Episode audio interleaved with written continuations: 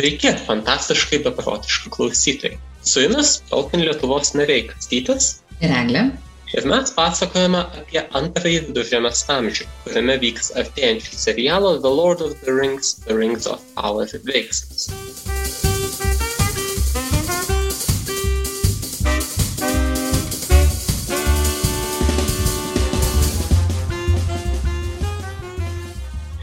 Šiandien mūsų tema elfų karalystės, kurios buvo svarbios daugeliui antrojo amžiaus įvykių. Na, apskritai, elfų karalystės pirmosios jos viduržėmėje buvo įkurtos dar seniau, pirmajame amžiuje, kai elfai iš Valinoro atkeliavo į uh, dužę. Valinoras tai vakaruose esantis šimtasis kraštas, kuriame gyvena valai tai yra tarsi dievai kuriejai prižiūrintis pasaulį. Na ir jie tenai buvo pasikvietę elfus pas save, o um, elfai vėliau po kurio laiko iškeliavo atgal į viduržėmę ir tenai įkūrė uh, karalystės, plus kai kurie elfai, kurie buvo likę viduržėmė irgi savo karalystės buvo įkūrę. Tačiau pirmojo amžiaus pabaigoje ta viduržėmės žemynų dalis, kurioje vyko svarbiausias veiksmas ir kurioje buvo tos pagrindinės elfų karalystės, ta dalis vadinama Beleriandu, ji nuskendo, nes vyko didysis karo, įniršio karas prieš tamsos valdovą Morgotą ir to karo metu na, įvyko tiek daug visokiausių sukretimų, kad e, tiesiog ta pasaulio dalis suaižėjo ir nuskendo pabangomis. Taigi Beleriando gyventojams na, reikėjo kažkur pasidėti. Dalis elfų iškeliavo atgal į vakarus į Valiną. Bet ne visi. Kai kurie pasiliko viduržėmėje ir uh, kraustėsi į rytus į tas vietas, kurias jau pažįstame ir matome žiedų valdovo žemėlapius. Um, dalis tų elfų liko visiškai naujoje vakarinėje pakrantėje, uh, regione vadinamame Lindonu. Uh, Lindonas tai buvo uh, Mėlynųjų kalnų priekalnės, uh, besileidžiančios į uh, nedidelės, na, nelabai plačias e, lygumas ir e, paskui jau e, krantas ir didžioji jūra. Lindoną per pusę maždaug kirto įlanką ir dėl to Lindonas dažnai skirstomas į šiaurinį ir pietinį regionus - Fort Lindoną ir Harlindoną. Būtent tose vietose apsigyveno didžioji dalis elfų tautos vadinamos Noldorais. Noldorai buvo tie elfai, kurie, na, jie pagrindė ir buvo tie elfai, kurie iš Valinoro atkeliavo į viduršėmę ir su kuriais susijusios pirmojo amžiaus legendos, o antrajame amžiuje jų liko nebe tiek daug, Tačiau vis tiek jie įkūrė savo šitą Lindono karalystę. Ir taip pat pastatė toje įlankoje, ties Lindono viduriu pastatė miestą vadinamą pilkaisiais uostais arba Mithlond, kas būtent reiškia pilkieji uostai elfų sindarin kalba. Um, tenai um, gyven, na, ten tikrai ne visi elfai gyveno, kai kurie iškeliavo ir toliau į rytus, bet kurį laiką, bent jau pirmus kelis šimtus metų antrojo amžiaus, Lindonas buvo pagrindinė praktiškai vienintelė rimta elfų karalystė, elfų karalystė viduržėmė. Minėti mėlynieji kalnai, kurie tarsi atskyrė Lindoną nuo uh, likusios viduržėmės dalies, jie seniau pirmajame amžiuje irgi ati, tarsi atribojo Beleriandą vakaruose esantį nuo uh, rytuose esančio Eriadoro regiono. Um, Taigi, Beleriandui nuskendus galima sakyti, kad Lindonas buvo tarsi paskutinė tokia Beleriando dalis uh, išlikusi nenuskendus. Pirmajame amžiuje uh, tuose Melinosiuose kalnuose, kurie tuo metu buvo labai toli nuo bet kokios jūros pakrantės, gyveno dvorfai. Tačiau antrajame amžiuje jų tenai nebeliko. Taigi, Nilde, gal tu gali papasakoti apie tai, kurgi tie elfai patraukė, kurgi tie dvorfai patraukė ir kas uh, jiems nutiko. Taip, Mėlynosiuose kalnuose iš tikrųjų turėjo porą miestų karališčių ir jiems, jiems nelikus tenka krausytis kitur. Uh, tačiau tai nėra vienintelės, uh, Mėlyniai kalnai nebuvo vienintelės vietos, kur dvorfai gyveno. Uh, truputėlį toliau, Ukanotosiuose kalnuose buvo Morija, dvorfai E, ją vadino Hazadumu. E, na, kalnuose esantis požeminis dvorfų miestas karalystė, ten buvęs nuo labai labai labai senų laikų, e, įkurtas vieno pirmųjų, net ne vieno tai vieno pirmųjų dvorfų karalių Dūrina. Ir jau tuomet tenais buvo tvirtovė, jau tuomet jie tenais turėjo ir kasyklas, ir miestus, ir kėlėsi ir aukštyn per kalnus, ir gilyn rausėsi į gelmes.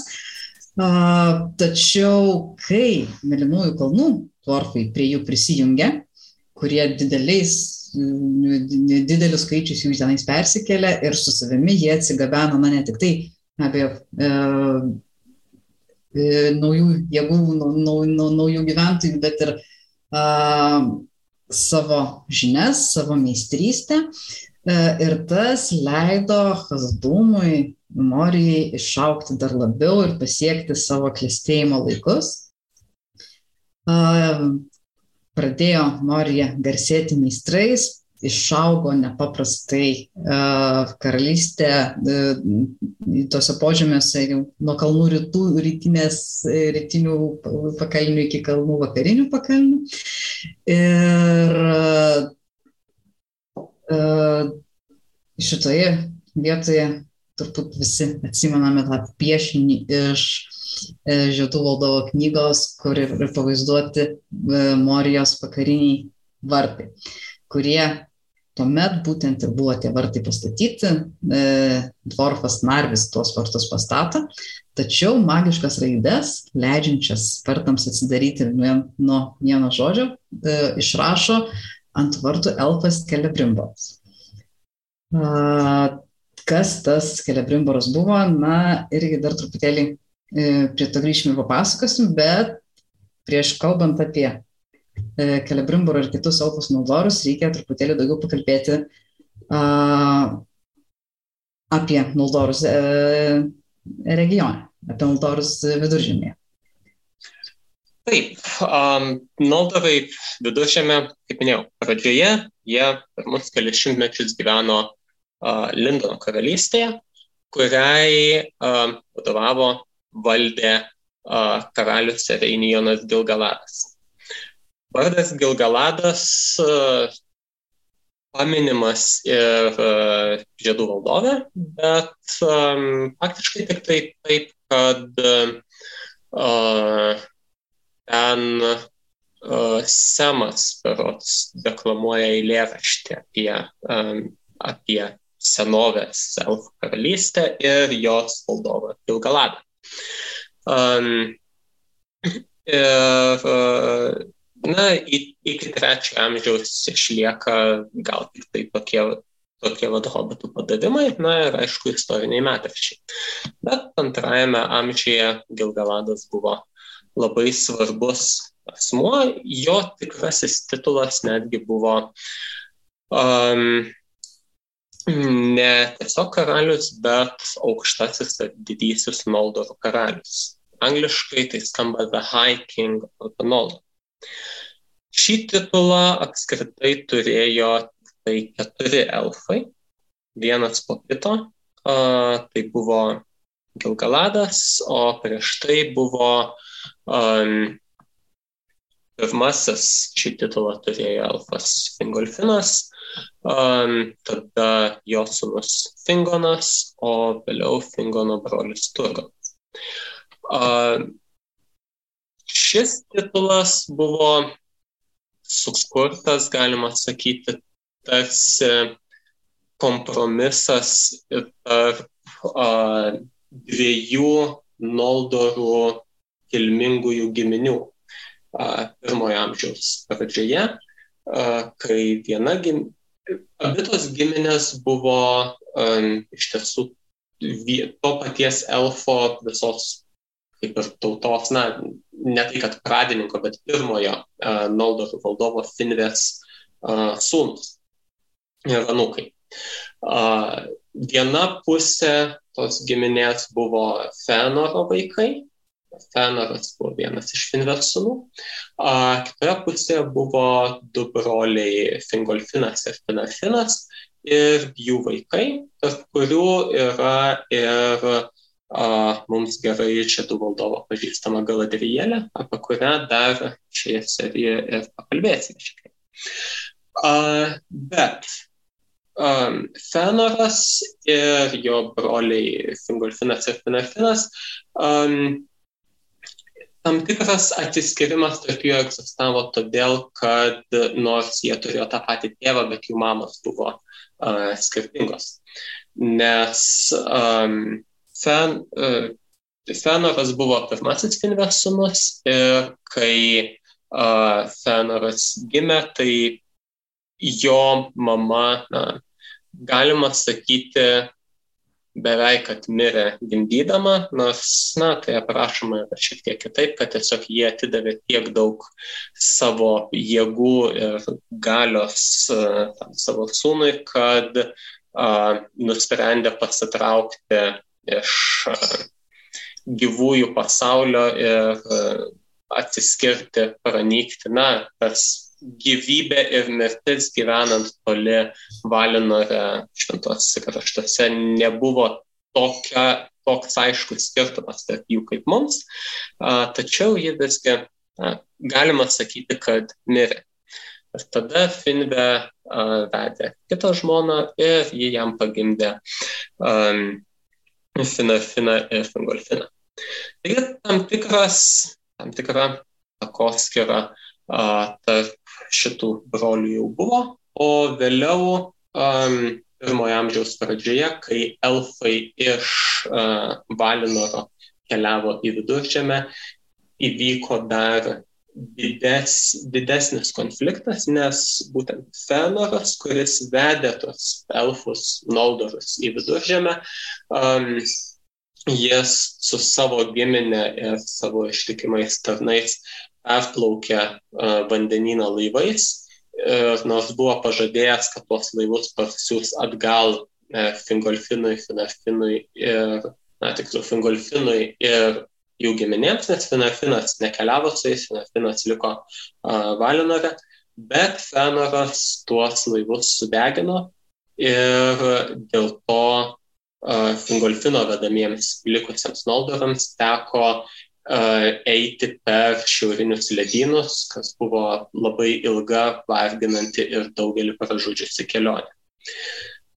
Na ir kai elfai jau susirinko viduržėmė, tai Aišku, savaime suprantama buvo pykčiai tarp jų, bet vėliau tuos, um, tuos pykčius jie sugebėjo išspręsti. Kaip viena iš sprendimo dalių buvo tokia, kad Fenoro vaikai atsisakė pretenzijų į uh, karaliavimą virš visų Noldorų ir uh, tokį titulą aukštojo Noldorų karaliaus, um, jie sutiko, kad tas titulas kaip vat, vyriausiojo visos Noldorų tautos uh, vado atitektų Fingolfinui ir būtent vėliau Fingolfino palikuonis. Taigi, po to, kai Fingolfinas žuvo kovodamas su tamsos valdovu Morgotu, uh, šis titulas perėjo vienam Fingolfino sūnui Fingonui, Vėliau Fingonui žuvus jis perėjo Turgonui. Turgonui žuvus titulas perėjo um, Gilgaladui, kuris, uh, kuris buvo Finarfino palikuonis. Um, egzistuoja keletas genealogijos variantų. Tolkienas praktiškai iki gyvenimo galo neapsisprendę, kaip čia um, Erinijonas Gilgaladas, kur turėtų įsiprašyti į genealogiją, bet atrodo, kad paskutinis variantas buvo toks, kad uh, Gilgaladas buvo Finarfino anūkas, uh, Finarfino uh, sunaus Orodreto sunus. Ir Gilgaladas išgyveno uh, visus karus su Morgotu, išgyveno įnešio karą, kuriame Morgotas buvo įveiktas ir liko viduržėmėje gyventi um, ir karaliavo uh, Lindono karalystėje. Taigi, Lindonas kelis šimtmečius buvo praktiškai vienintelė, um, vienintelė uh, Noldorų karalystė viduržėmė, bet kiek vėliau, apie 750 metus, buvo įkurta grupė Noldorų iš Lindono iškeliavo į rytus ir įkūrė kitą regiono karalystę, apie kurią ir kuo jį ypatinga, Nilda, gal tu papasakok. Žinoma, tai labai gerai, kad man, e, tu pasakai tokią išsame įžangą apie pirmąjį amžių, nes regiono atsiradimas neiš, neatsiejamas nuo pirmojo amžiaus istorijos. E, regiono karalystė e, įsikūrė tuomet, kai Kelebrimboras, kuris yra ne kieno kito, o paties Feonoro anūkas, to paties Feonoro, na, nuo kurio ir prasidėjo visas tas konfliktas ir tarp elfų, ir konfliktas tarp elfų ir Morgoto. Uh, to paties Fenoro, kuris nukala tuos magiškus brangakmenius Silmarilius, pagal kurios ir pavadintas Silmarilionas, pasakojantis apie pirmąjį amžių. Tai Fenoro, nu kas Kelebrimboras, kuris irgi, taip pat kaip Gilgaladas, sugebėjo po tų ilgus amžius trukusių krūvinų karų su Morgotu vis dėlto likti gyvas. E, ir taip pat nusprendžia neišvykti į vakarus, jisai ilgą laiką ir gyvena Lindone, Gilgalado valdomoje karalystėje, tačiau jam ten pradeda nebepatikti, na ir labiausiai jį masina mano jau minėtas Hazadumas. E, nes Hazadume, kaip irgi gal atsimenate iš, tiek iš šitų valdovo knygų, tiek filmų, Hazadume yra mitrilo. Ypatingo labai labai uh, gražaus, labai tauraus, labai kokybiško metalo, kuris ir stiprus, ir lengvas, uh, ir gražus.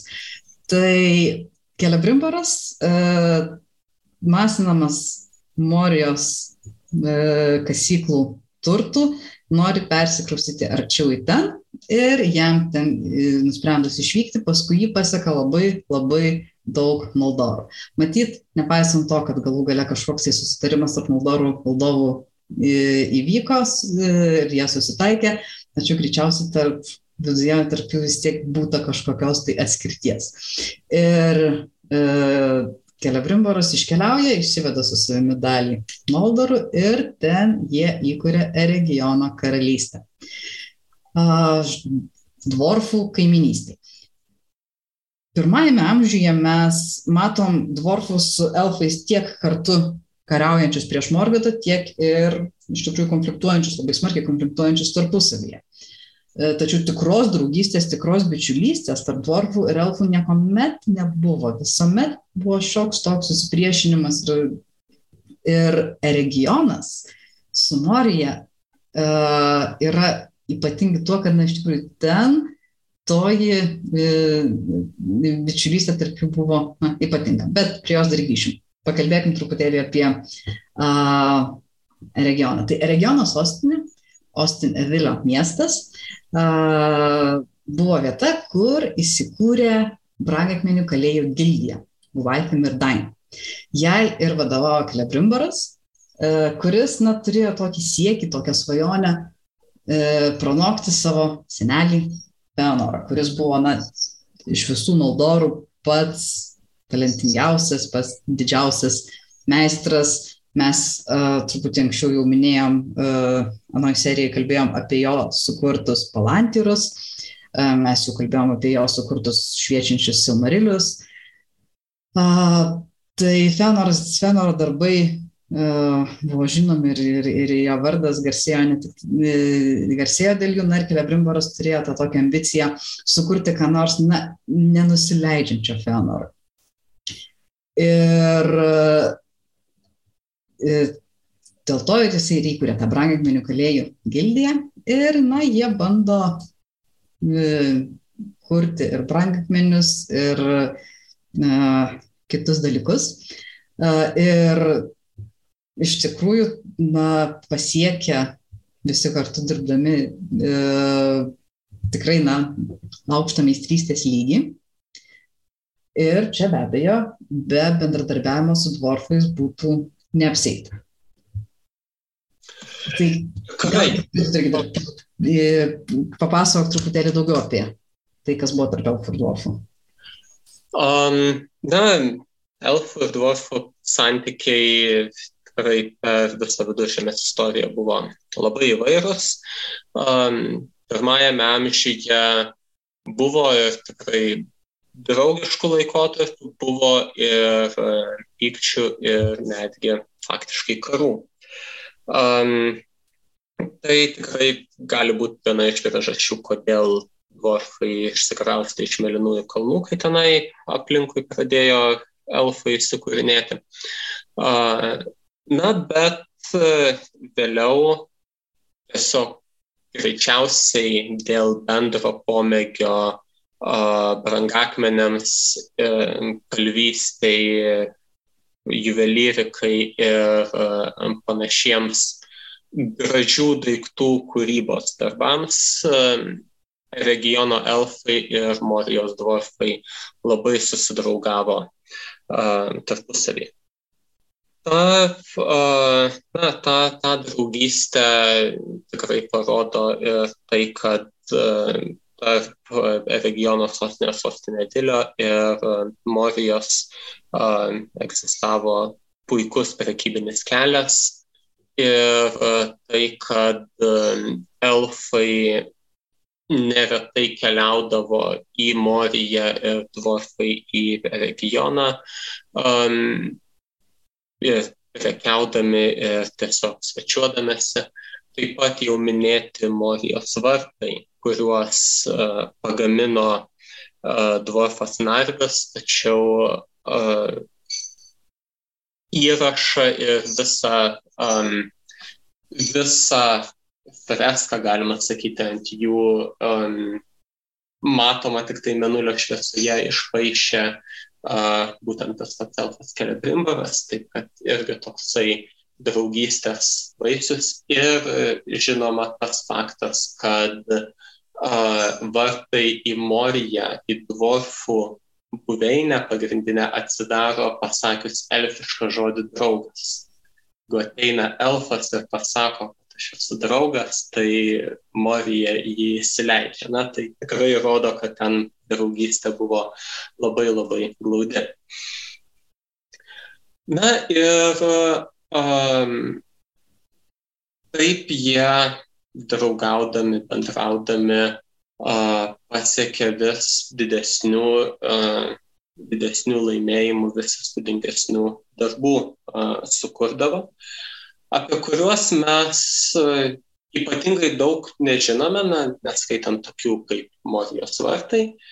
Ir dar kelių, kurie uh, nutinka šiek tiek vėliau ir kurie yra susiję su tokiu veikėju vardu Anataras.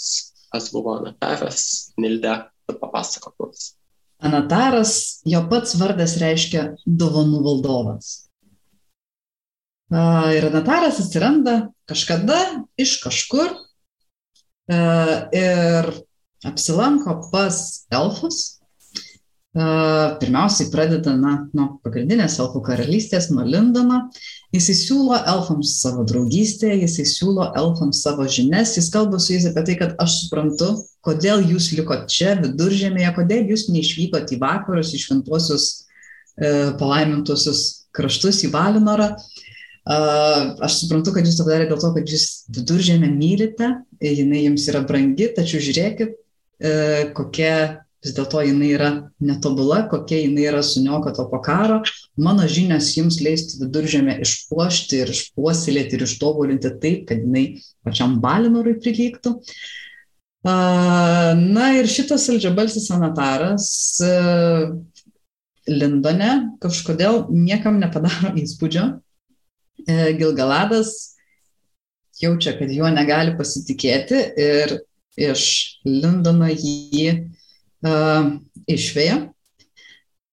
Ir su tojais savo siūlymais e, duoti žinių, e, mokyti ir vesti, tas anataras e, keliauja toliau, e, kol na, atsiduria regione, kol atsiduria pas brangakmenių kalėjus.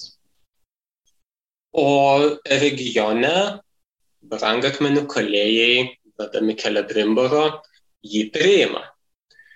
Kuo būtent Anataras juos įtikino, ko nepavyko padaryti Lindone, vėlgi tiksliai nežinome. Galbūt tiesiog Kelebrimboro žmonėms a, tas pažadas gauti žinių ir gebėjimų kurti dar geresnius ir gražesnius dalykus, negu jie kūrė iki tol, gal to jiems pakako. Galbūt Anataras pasimokęs Lindone kokią nors kitą dainelę čiulbėjo. Bet, kaip bebūtų, apie 1200 antrojo amžiaus metus Anataras apsigyvena regione ir pradeda elfus mokyti savo žinių. Mokyti juos, kaip dar geresnius kalvystės stebuklus padaryti. Ir tie mokymai užtrunka. Tikrai, kaip ir daug kas kito antrajame amžiuje, užtrunka šimtmečius, iki maždaug 1500 metų, kai Anataras pasiūlo elfams didžiausią ir galingiausią projektą, galima sakyti, ar kūry, kūrinį galios žiedus. Bet ne visi, um, ne visi regiono gyventojai pasitikė Anataru, ne visiems patinka, kad Kelebrimbaras jį priima. Ir tarp tų, kurie, kurie įtarė jį esantį kažkokį negerą asmenį, yra ir mūsų minėtoji Galadrielė. Nilde, pasakok mums, kokiagi Galadrielės istorija šitoje pirmoje antroje amžiaus pusėje. O Galadrielės istorija yra sudėtinga pirmiausia dėl to, kad mes turim kelias Galadrielės versijas. Tos, aišku, versijos yra likusios Tolkieno juodraščiuose. Tiem, kam smalsu jas paskaityti, susiraskite uh, Unfinished Tales, nebaigtasias sakmes. Uh, ir ten yra keturios versijos, kurios visos parodo šiek tiek kitokią Galadrielę. Kai kuriuose jinai yra labiau maištaujanti, labiau linkusi uh, daryti, sekti savo ambicijų, siekti savo tikslų, nes aukojant galbūt kažkokius kilnesnius tikslus, taiką, santarvę. Kitur jinai yra labiau galvojanti apie pasiekmes tikriausiai, galvojanti kaip kaip kuo taikiau, kuo mažiau konfliktuojant e, pasiekti irgi savo tikslų, bet visur ją matom norinčią būti valdove, norinčią valdyti savo pasaulį, savo kraštą. Na, tas irgi yra iš tokio įstikimo, kad vat, aš tai tą padaryčiau geriau. Na ir be abejo, elfams na, yra visuomet ta problema, kad kai tu gyveni nesensančioje, nemirtingų e, visuomenėje, tai nesvarbu, kad tu esi iš karališkos giminės, tikėtis, kad galbūt kada nors tu e, tapsi tuo valdovu, na, net ir karo metu nelabai, nelabai daug lūkesčių yra, nelabai daug šansų. Tai elfams norint, e, turintiems tokias vat, ambicijas valdyti tapti karaliais, lordais, led, valdovais, jiems, na, vienintelis būdas tą padaryti yra kažkur iškeliauti ir kažkur kitur įsikurti. Tai Galadrielė irgi turi, na, tokias ambicijas kaip mes matom, tose juodrašiuose likusiuose jos istorijos variantuose, kur vienokiais ir kitokiais būdais, bet jinai palieka taikius ramius vakarus, persikelia į viduržėmę kartu su Fenoro maištu. Ir ten irgi jinai vis nerimsta, kol,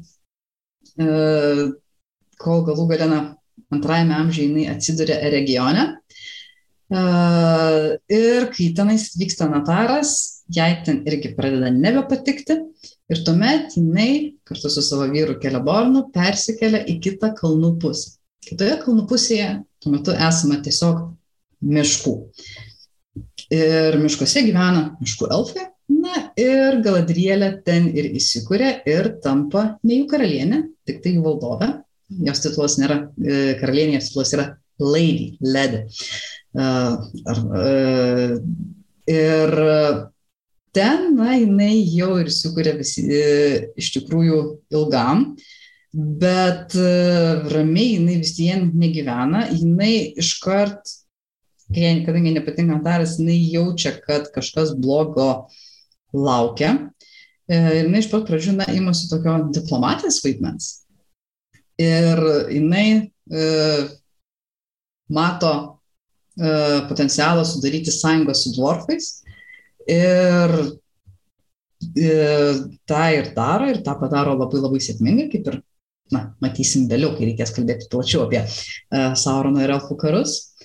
Pačiame Lotloriene, kai jinai įsikuria, jinai taip pat, na, sulaukia dovanų iš Numenoro, nes būtent iš Numenoro atvežami tie medžiai, kuriais paskui garsėja Lotlorieno miškas. Tie medžiai, kurie vadinami melirnais, jie yra kaip lyg sidabriniu kamienu, lyg auksiniais lapais. Rudenį jie numeta tos lapus, tie lapai auksiniai guli ant žolės, pavasarį medžiai pražįsta lyg auksinėmis gėlėmis, na ir visas toks auksinis, sidabrinis, besimainančios šviesos miškas uh, ir tampama tokia viena iš viduržėmės pažybų. Ir be abejo, Galadrielė nepaprastai myli Lothlorieną, labai nori jį išsaugoti tokį gražų ir klestinti, koks jisai yra. Ir galbūt tie Kelebrimboro galios žiedai galės jai šito padėti. Ir galbūt šitoje vietoje vis dėlto jos nusiteikimas prieš Anatarą nebus jau toks ir stiprus. Bet greičiausiai apie tai pakalbėsim jau kitą kartą. Taip, jau kitam kartui paliekame papasakojimą apie tai, kas iš tiesų yra Nataras ir ko jis čia norėjo. Ir kas nutiko iš to, kad Kelebrimboras ir kiti elfai pradėjo galios žiedus kaldinti. O kol kas atsisveikiname, tik tai priminsime, kad laukiame jūsų klausimų, kuriuos um, ateities serijose pasistengsime ir atsakyti.